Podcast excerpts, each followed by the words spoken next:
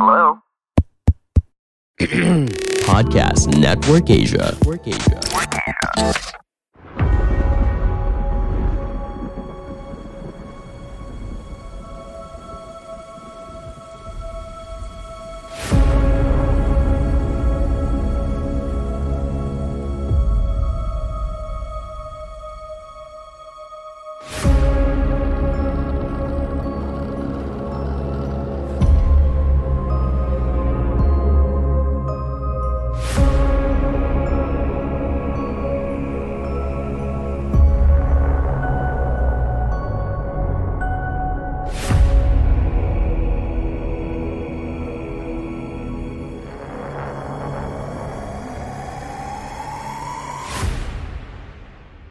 Halo semuanya, selamat datang di podcast dengerin horor.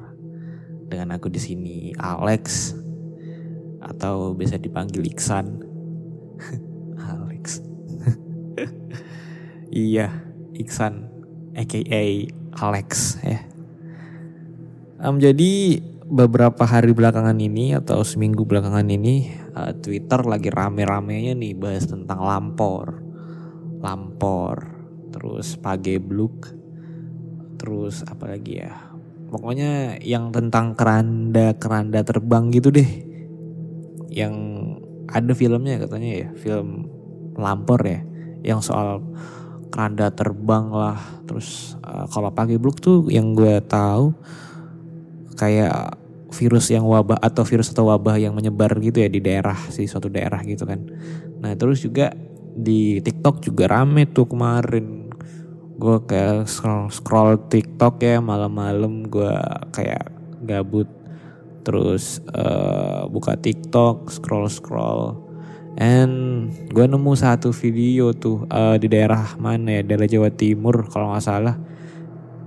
Tepatnya di Malang ya kalau nggak salah sih. Kalau salah tolong dibenerin.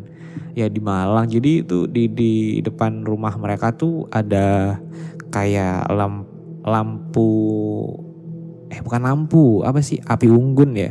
Api unggun. Jadi setiap rumah tuh ada api unggun terus. Jadi kayak apa ya? Kayak perkampungan mereka tuh penuh banyak maksudnya banyak api unggun di depan rumah mereka. Nggak nggak tahu maksudnya apa tapi kalau yang aku baca di komen-komen katanya buat ini sih buat bakar-bakar marshmallow sosis. Nggak mungkin lah anjing. Kan katanya sih buat ngusir uh, itu ya ngusir begituan ya nggak tahu gimana sih tapi mungkin kepercayaan mereka kayak gitu ya kita menghargai aja kepercayaan mereka dan aku punya kisah menarik dari salah satu kisah atau salah satu penulis di Twitter yang cukup banyak juga membuat cerita di Twitter. Uh, ini ngomongin tentang pagebluk. Bacanya gimana sih? Pakai L lemah atau E keras sih? Pagebluk atau pagebluk?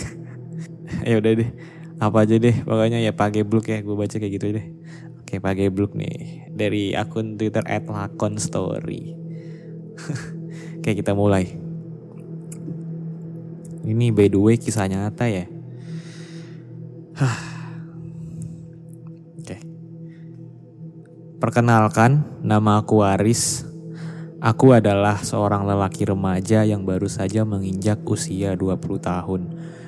Di setiap harinya, aku tinggal bersama kakek, nenek, serta adikku. Retno 5 tahun. Karena kedua orang tuaku yang memang sedang bekerja di luar negeri. Kami sekeluarga tinggal di sebuah perkampungan kecil yang terletak di salah satu sudut kota yang ada di Pulau Jawa. Awalnya, semuanya memang berjalan dengan baik-baik saja Hingga akhirnya semua berubah setelah sebuah kejadian yang bisa dikatakan tidak hanya menimpaku saja, melainkan menimpa seluruh warga kampung yang akhirnya membuat kejadian tersebut tidak akan pernah bisa aku lupakan untuk selama-lamanya. Masih sangat teringat jelas di kepalaku, malam itu entah kenapa hawa yang ada di sekitarku lebih dingin dari sebelumnya. Suasana yang biasanya masih ramai orang Malam itu benar-benar sangat sepi entah kenapa. Bahkan aku pun juga masih ingat di sela-sela aku duduk bersama kakek dan nenekku, aku sempat menanyakan tentang keadaan lingkungan yang sepertinya memang sangat mencurigakan. Kok tumben sepi kayak gini ya mbah? Jalanan juga sepi gak ada orang sama sekali.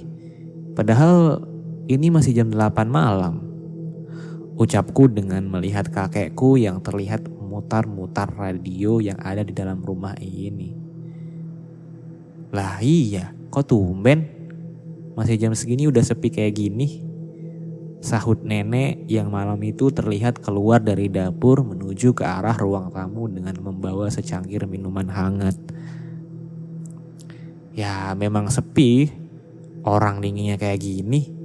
Orang-orang mau keluar rumah ya malas lah. Jawab kakekku sambil kembali duduk tenang di tempat duduk favoritnya. Namun anehnya, setelah beberapa saat kami bertiga terdiam, tiba-tiba kakekku terlihat kaget dengan sedikit berdiri dari tempat duduknya seolah melihat sesuatu yang melintas di depan rumahku.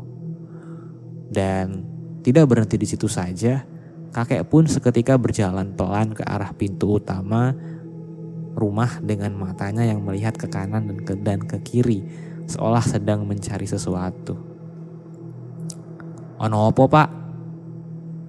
Ucap nenek yang malam itu juga terlihat ikut kaget dengan tingkah laku kakek yang memang tiba-tiba terlihat aneh.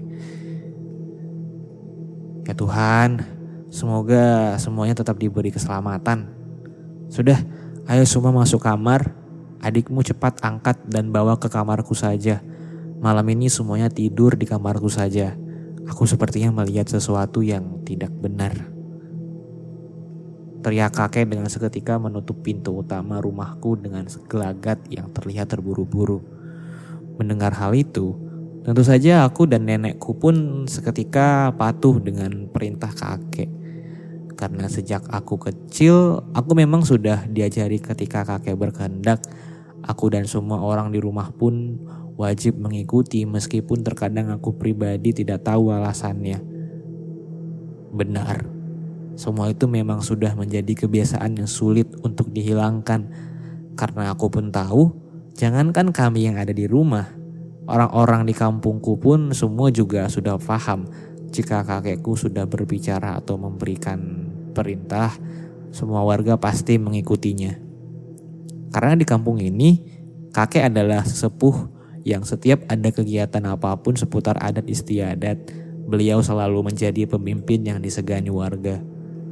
Oleh karena itu, tanpa banyak tanya lagi, aku pun langsung mengangkat adikku yang saat itu sudah tertidur puas di kursi ruang tengah rumahku.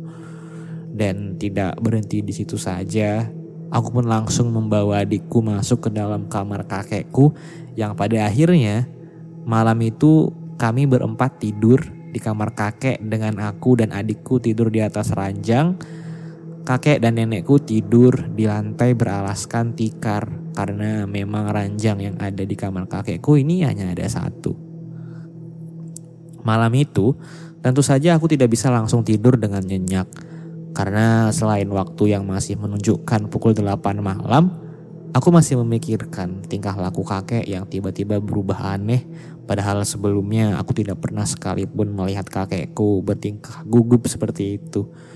Kakek yang sebelumnya terkenal sebagai orang yang sangat tenang dan berwibawa, malam itu benar-benar seperti uh, berubah menjadi orang-orang yang sangat aneh. Seperti sedang seperti sedang dikejar oleh makhluk yang tak kasat mata.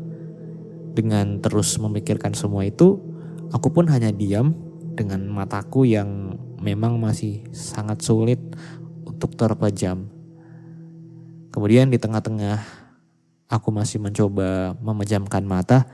Malam itu aku tiba-tiba mendengar suara obrolan bisik-bisik dari kakek dan nenekku yang saat itu sepertinya juga masih belum tidur. Uh, ada apa pak? Kok bapak tadi sampai kayak gitu? Bapak habis lihat apa? Sampai sekarang jantung bapak masih berdetak kencang.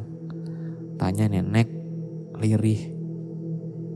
Uh, aku habis lihat keranda mayat lewat cepat sekali ke arah timur.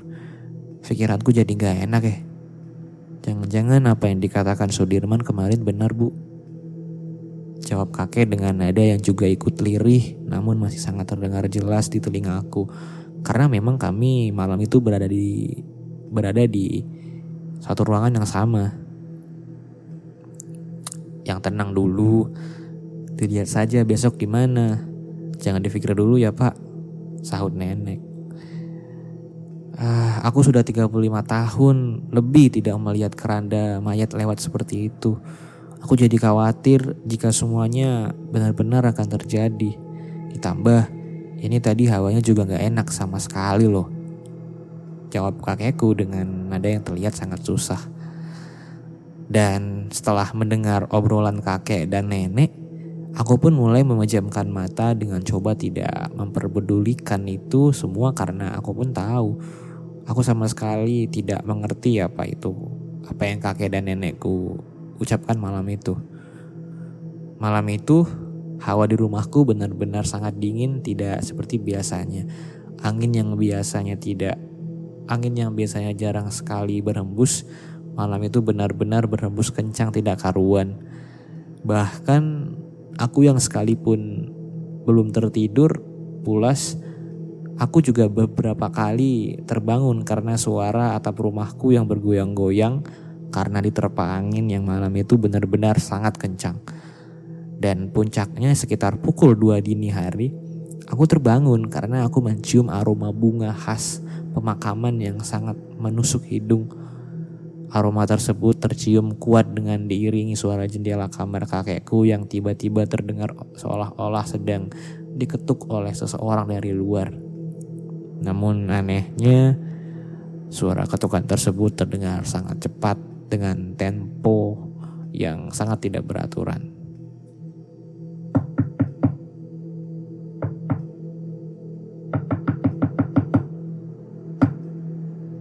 Mendengar hal itu, aku pun seketika terbangun dari tidurku dan mengarahkan pandanganku ke arah jendela kamar yang saat itu memang masih dalam keadaan tertutup rapat dan sesaat setelah aku melihat dan mendengar jendela kamar yang terus-terusan berbunyi, pandanganku pun kuarahkan ke arah bawah ranjang dengan maksud ingin melihat kakek dan nenekku yang tertidur. Apakah mereka mendengar apa yang aku dengar, pikirku. Namun anehnya, setelah aku mengarahkan pandanganku ke arah lantai tempat kakek dan nenek tidur, malam itu aku tiba-tiba sangat terkejut karena aku tidak melihat adanya kakek dan nenek yang berada di lantai saat itu. Loh, kakek dan nenek ke mana ini? Kok nggak ada? Pikirku. Mengetahui hal itu, aku pun seketika berdiri dan segera menuju ke arah jendela kamar yang masih berbunyi tersebut dengan beranggapan suara katuk, suara ketukan tersebut adalah suara dari kakek dan nenekku yang sedang meminta bantuan.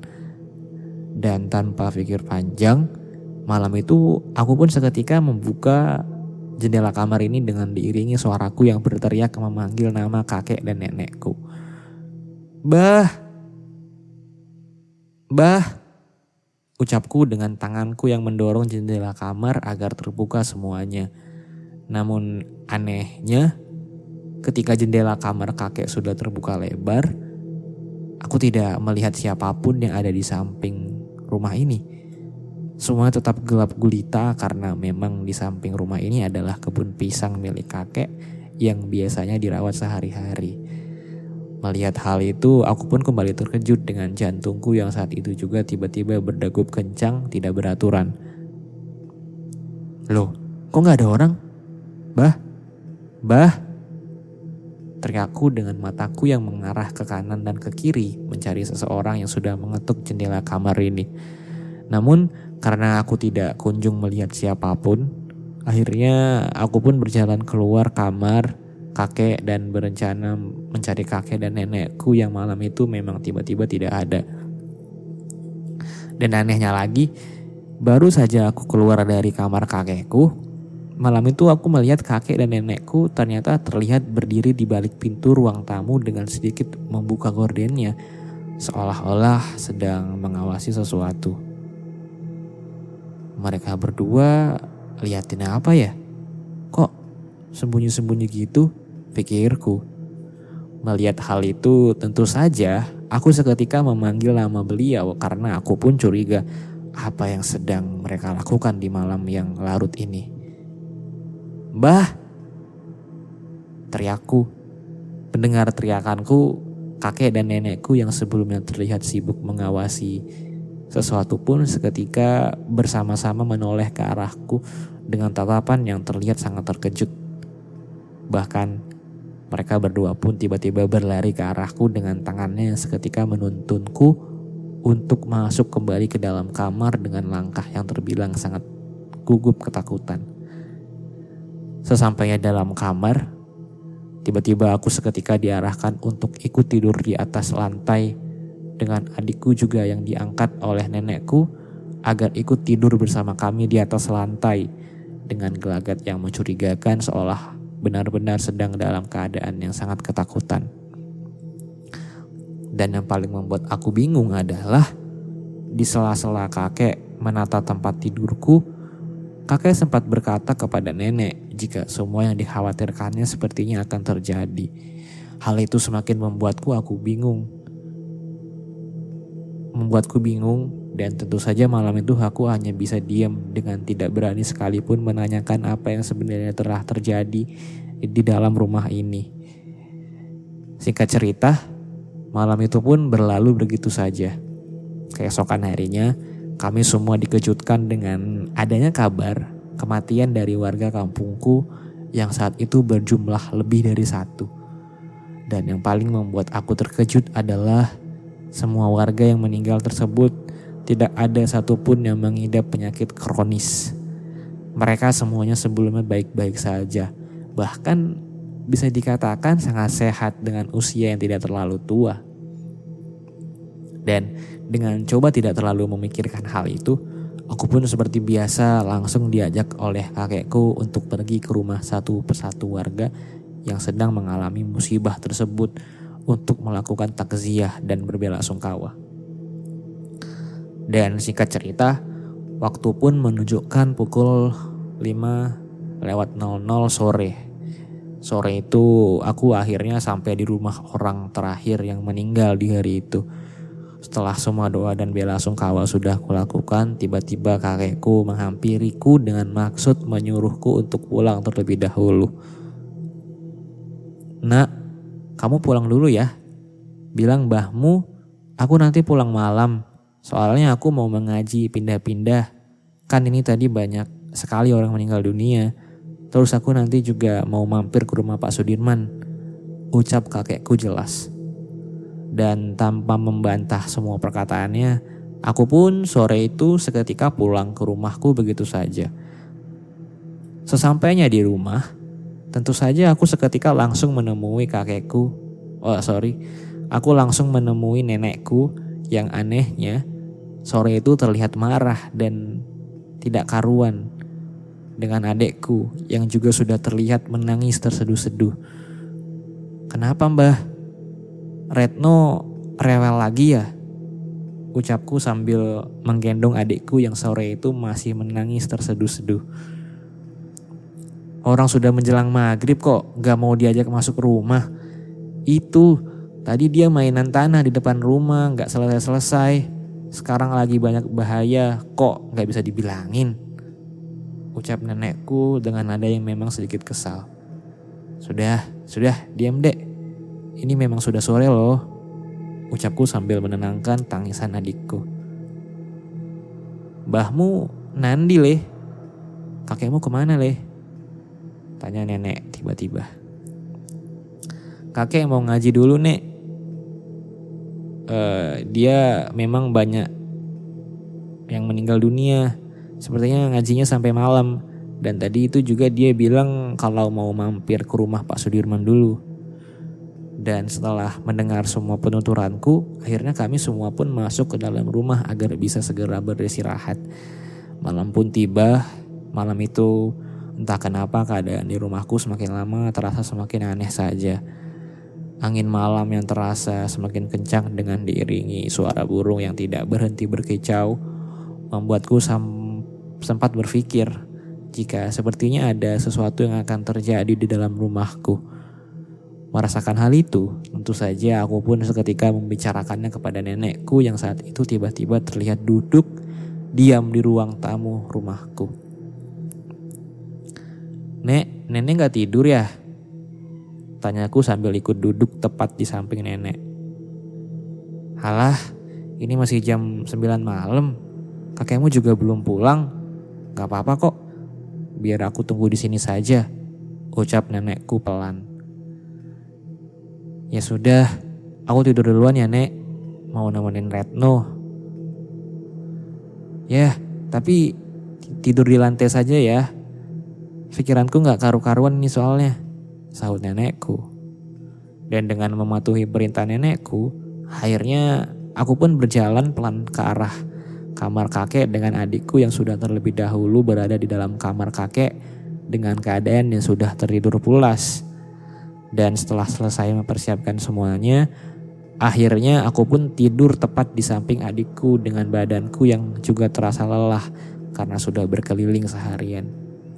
Dan anehnya lagi, belum lama aku beristirahat, tiba-tiba aku kembali mencium aroma bunga khas pemakaman yang sangat menusuk hidung. Aroma wanginya ditambah dengan semilir angin yang berhembus Tentu saja membuatku malam itu kembali tidak bisa tidur dengan nyenyak. Meskipun selimut sudah menutupi seluruh tubuhku dengan sangat rapat. Dan tidak berhenti di situ saja. Di tengah-tengah aku mencoba terus memejamkan mata. Tiba-tiba aku mendengar suara benda yang diseret dengan sangat pelan. Yang sepertinya suara seretan tersebut berasal dari rumah ini. Seret gitu, kayak suara seretan gitu. Mendengar hal itu, tentu saja aku seketika membuka mataku dengan mulutku yang tetap diam mencoba mendengarkan lagi semuanya dengan lebih dalam. Dan setelah aku mendengarnya lebih teliti, malam itu pun aku langsung curiga karena suara tersebut tidak kunjung hilang, namun terus saja berputar-putar di dalam rumah. Karena aku mulai penasaran, Akhirnya aku pun berjalan pelan ke arah pintu kamar kakek dan membukanya sedikit bermaksud untuk mengintip apa yang sebenarnya terjadi di dalam rumahku ini. Dan setelah pintu berhasil kubuka sedikit dan pandanganku bisa melihat ke arah luar, malam itu aku benar-benar sangat terkejut. Tidak karuan, jantungku yang sebelumnya tenang, malam itu seketika berdetak lebih kencang seperti genderang mau perang. Di setiap ada kamu Enggak, maksudnya jantungku yang sebelumnya tenang malam itu seketika berdetak kencang dengan nafasku yang juga seolah terasa sulit untuk dihembuskan. Malah nyanyi. Ah, kenapa? Benar sekali. Malam itu ternyata suara yang kudengar tersebut bukan suara benda yang diseret. Melainkan itu adalah suara dari kain panjang yang menyapu lantai karena dipakai oleh sesosok makhluk halus yang sedang berjalan melayang sekitar 20 cm dari atas lantai. Pakaiannya hitam yang terlihat lusuh dengan bentuknya yang menyerupai jubah. Hingga saat ini pun masih tidak bisa aku lupakan. Semua itu kulihat dengan jelas meskipun hanya sesaat karena ketika aku melihatnya Makhluk halus tersebut sudah bergerak ke arah luar rumahku menuju pintu utama yang malam itu juga tiba-tiba terbuka lebar. Karena aku sudah merasa tidak aman lagi, aku pun seketika berbalik badan dan langsung mengangkat adikku yang saat itu masih tertidur pulas untuk segera kubawa keluar dari kamar tidur kakekku. Dan tidak berhenti, tidak berhenti, tidak berhenti di situ saja, malam itu aku juga berlari menuju ke arah ruang tamu untuk melihat keadaan nenekku yang memang sebelumnya kulihat sedang duduk di sana. Dan sesampainya di ruang tamu, aku kembali terkejut, tidak karuan, terheran-heran. Ampun. Karena malam itu tepat pukul 23 lewat 45 malam, aku melihat nenekku sudah dalam keadaan tidak bernyawa. Beliau meninggal dengan keadaan duduk di ruang tamu dengan mulutnya yang sudah menganga ditambah sekujur tubuhnya yang sudah putih pucat tidak karuan. Mengetahui hal itu, aku pun seketika menangis histeris dengan teriakanku yang sudah tidak lagi bisa kutahan. Innalillahi wa innalillahi rojiun. Teriakku kencang. Malam itu aku memeluk tubuh nenekku dengan rasa kehilangan yang hingga sampai saat ini masih sangat tidak bisa aku lupakan. Dan karena malam itu aku tidak kunjung mendapat bantuan, akhirnya aku pun segera keluar dan berlari ke arah rumah Pak Sudirman yang berjarak kurang lebih 100 meter dari rumahku. Namun anehnya, baru beberapa langkah aku berlari keluar dari rumahku, malam itu aku kembali melihat pemandangan yang sangat tidak masuk akal. Malam itu, aku melihat dengan mata kepalaku sendiri, tepat di samping rumahku, ada sebuah benda besar yang kuduga kuat adalah sebuah keranda mayat. Hal itu dapat kupastikan karena bentuknya yang memang sama dengan keranda-keranda mayat pada umumnya, tapi yang kulihat waktu itu lebih kotor dan seperti sudah lama tidak terpakai. Keranda mayat tersebut terlihat terbuat dari bambu dengan kain penutupnya yang terlihat lebih lusuh dari keranda-keranda mayat pada umumnya. Namun karena aku sudah tidak lagi menghiraukan semua itu, aku pun akhirnya terus berlari dengan tangisanku yang seolah-olah sudah tidak bisa lagi berhenti. Singkat cerita, sesampainya aku di rumah Pak Sudirman, tentu saja aku langsung berteriak histeris memeluk kakekku yang saat itu masih duduk-duduk bersama beberapa orang yang sepertinya sudah para sudah sesepuh di kampungku ini.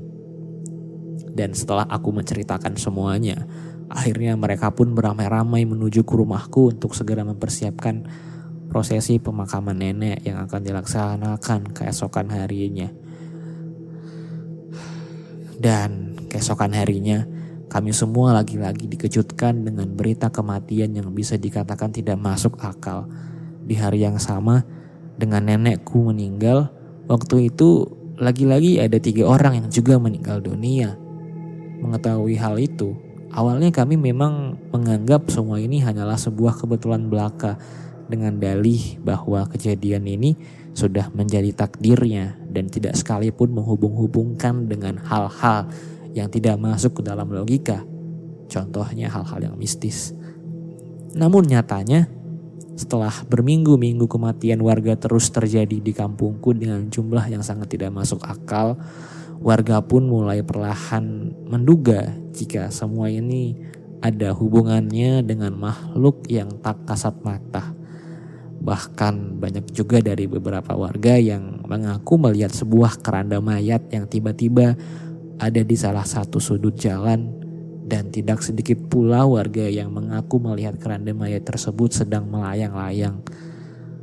Mengetahui semua itu, setelah kakekku sudah dinyatakan tenang dan bisa diajak untuk kembali berdiskusi, akhirnya para sesepuh di kampungku pun melakukan pertemuan yang kebetulan pertemuan tersebut dilaksanakan di rumahku mengingat kakekku lah di sini yang dianggap sebagai penasehat utama kampung ini. Sebelumnya, sejak kematian nenek, kakek memang seolah-olah drop dan tidak mau diajak untuk berbicara oleh siapa pun. Kakek seolah acuh dan tidak lagi mau membuka pintu rumahku dengan tingkah yang sangat aneh yang aku pun bisa mengerti jika kakek saat itu masih dalam keadaan yang terpukul karena ditinggal yang kakekku pergi. Namun setelah beberapa lama kemudian, akhirnya kakekku pun terlihat bisa menerima semua kenyataan yang ada dan bersedia untuk kembali mengadakan pertemuan untuk membahas bagaimana mengatasi semua masalah ini. Dan singkat cerita, pertemuan itu pun terjadi. Selama pertemuan tersebut, tentu saja aku mendengar apa yang mereka bahas. Bahkan di situ aku bisa dikatakan ikut duduk bersama mereka dengan telingaku yang benar-benar mendengarkan semuanya. Masih sangat teringat jelas di kepalaku. Apa yang aku dengarkan di pertemuan waktu itu adalah ilmu pertamaku yang akhirnya bisa membuat aku menjadi seperti sekarang ini. Semua hal tentang adat istiadat dan segala macam budaya leluhur malam itu benar-benar aku dengarkan dengan baik.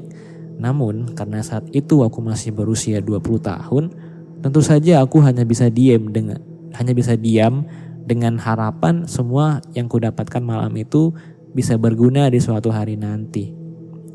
Dan kenapa pertemuan itu membahas budaya dan adat istiadat leluhur? Padahal sebenarnya masalah waktu itu adalah jumlah kematian yang meningkat drastis, pikirku. Ternyata yang sedang dialami kampungku saat itu adalah wabah goib atau biasa orang Jawa sebut dengan sebutan pagebluk, lampor, kromoleo, ataupun semacamnya. Wabah ini memang bisa berupa penyakit ataupun tidak. Namun yang jelas wabah ini terjadi ditandai dengan adanya keranda mayat yang terletak di bagian sudut kampung atau biasa atau bisa dikatakan berkeliling kampung. Bahkan dalam hal ini ada yang mengatakan jika pagi sakit, sorenya akan meninggal. Atau jika sore sakit, paginya akan meninggal. Mendengar hal itu, Aku pun seketika terkejut, tidak karuan. Karena aku pun masih ingat dengan jelas jika waktu itu kakek pernah mengatakan jika beliau sempat melihat keranda mayat tersebut berjalan-jalan dan tidak berhenti di situ saja, aku pun juga tidak bisa melupakan keranda mayat yang kulihat tepat di samping rumahku di malam ketika nenekku meninggal tersebut. Namun karena aku masih uh, merasa tidak memiliki hak untuk ikut mengutarakan pendapat, Akhirnya aku pun ya terdiam saja dan tetap menyimpan semuanya sendirian. Dan singkat cerita, sebuah uh, setelah pertemuan malam itu para sesepuh sepakat di tiap malam hari semua warga diarahkan untuk menyalakan api unggun di setiap depan rumahnya. Oh jadi ini penyebabnya yang di TikTok gue lihat itu kayak gini ternyata. Oh alah Oh gitu, ya ya ya ya ya. Baru gue paham nih sekarang nih. Oke. Okay. Semua warga diarahkan untuk menyalakan api unggun di depan rumah mereka masing-masing. Hal ini menurut kakek bisa menjadi penangkal dari datangnya makhluk halus yang konon katanya dialah yang memikul keranda mayat yang terlihat hanya berjalan-jalan sendiri tersebut. Dan tidak berhenti situ saja, semua warga juga diarahkan untuk tetap terjaga hingga malam hari dengan tidak lupa semua warga juga diharuskan untuk selamatan menolak bala, selamatan penolak bala yang diperuntukkan untuk dirinya sendiri dan keluarganya masing-masing. Selamatan tersebut berupa makanan, jajanan yang disertai dengan berbagai persyaratan yang harus dipenuhi yang nantinya harus disebar ke tetangga kanan kiri rumahnya. Dan puncaknya, semua warga yang tinggal di kampungku harus melakukan selamatan yang yang dilakukan di tengah-tengah kampung dengan maksud bersyukur kepada Tuhan atas limpahan rizkinya serta meminta perlindungan atas semua kejadian yang ada. Semua prosesi upacara tersebut tentu, tentu saja dilakukan dengan cara yang bertahap dengan segala proses persyaratan yang terbilang cukup rumit yang memang sudah menjadi tradisi dan kebudayaan masyarakat yang ada di Pulau Jawa. Dan setelah semuanya semua upacara tersebut dilakukan, Akhirnya angka kematian di kampungku pun perlahan mulai berkurang secara signifikan. Dulu yang hampir setiap hari ada lebih dari tiga orang yang diumumkan meninggal, sekarang semua itu sudah berangsur-angsur berkurang. Dan setelah itu uh, beberapa waktu kemudian akhirnya aku tidak mendengar lagi laporan warga tentang adanya keranda mayat yang memang sebelumnya sangat meresahkan tersebut. Hal itu tentu saja membuat aku dan seluruh warga kampungku sangat bersyukur karena pada akhirnya semuanya sudah kembali normal seperti sedia kala. Cerita ini dituliskan dengan merubah timeline waktu untuk mempermudah para pembaca dan memahami isinya. Sebenarnya Cerita ini terjadi di sekitar tahun 1982 hingga 1988 dalam kurun waktu kurang lebih 40 hari. Dalam kurun waktu tersebut, di kampung yang ada dalam cerita ini benar-benar mengalami fenomena yang biasa orang sebut dengan sebutan pagebluk, lampor, atau entah apa pun itu namanya. Yang jelas di tahun 80-an tersebut semuanya benar-benar terjadi dan seperti semuanya yang dikatakan oleh narasumber kami bukan hanya sebuah dongeng belaka, namun benar-benar kejadian dan kenyataan yang ada. Selesai. Hmm. Oke, okay. selesai teman-teman uh, cerita dari uh, akun Twitter @lakon_story. Uh, mungkin itu aja dari aku ya. Sedikit pesan dari aku. Mungkin aku kemarin aku tadi ada ngomongin ya kalau ada beberapa DM di Twitter baca horor ngomongin tentang lampor ini ada satu dua orang ya dia ngirim DM tentang cerita singkatnya ntar mungkin kalau aku kalau aku bisa upload ya, aku kayaknya upload deh hari Sabtu atau Minggu atau Jumat lah tentang cerita singkat dia uh, mengenai lampor ini yang terjadi di daerah Gresik kalau nggak salah, ya, Gresik. Oke, itu ya.